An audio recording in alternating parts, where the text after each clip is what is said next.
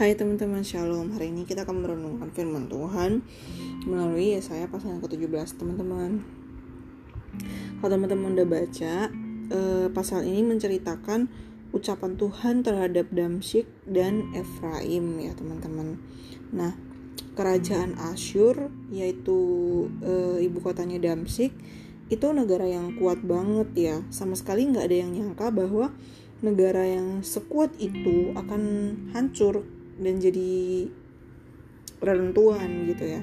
Terus uh, yang ngalamin kehancuran bukan hanya kerajaan Asyur tapi kerajaan Israel Utara yang diwakili oleh ini apa suku Efraim ya. Salah satu suku yang terkuat juga di dalam kerajaan Israel. Juga uh, akan ngalamin hal yang sama di ayat yang ketiga diceritakan ya. Nah kenapa ini bisa terjadi teman-teman? Karena uh, mereka sudah meninggalkan Tuhan ya ceritanya. Mereka lebih pilih menyembah dan mencari pertolongan sama berhala-berhala. Nah, kadang-kadang uh, kalau kita baca di Alkitab ya perkataan perkataan-perkataan aja nggak nggak cukup untuk menyadarkan orang-orang yang menyembah berhala ini. Nah, karena itu Tuhan bersikap keras sama bangsa Israel yang hidupnya udah melenceng banget ya. Allah menghancurkan mereka supaya mereka lagi nggak memandang uh, berhala yang mereka bangun, berhala yang mereka diriin gitu.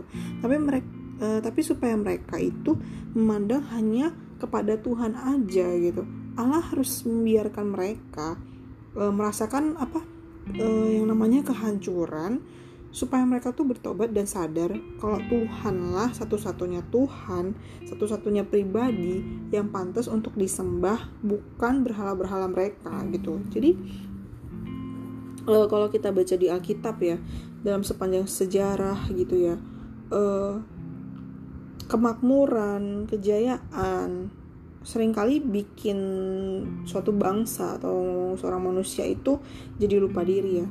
Manusia jadi uh, apa namanya terlena gitu ya sama uh, kehidupannya. Mengandalkan kemampuan dirinya sendiri uh, atas apa yang mereka punya gitu. Dan akhirnya apa? Mereka meninggalkan Tuhan. Nah kalau udah kayak gitu ya nggak ada cara lain gitu. Yang mereka miliki yang bikin mereka abaikan Allah itu yang Allah ambil dari mereka. Supaya apa? Supaya mereka sadar terus mereka to bertobat. Nah kayak gitu ya teman-teman. Jadi uh, melalui firman Tuhan hari ini kita belajar melalui pengalaman bangsa Israel supaya kita jadi lebih bijak supaya kita nggak perlu mengalami yang namanya kehancuran dulu baru baru kita bertobat gitu. Supaya kita uh, jangan keraskan hati kita.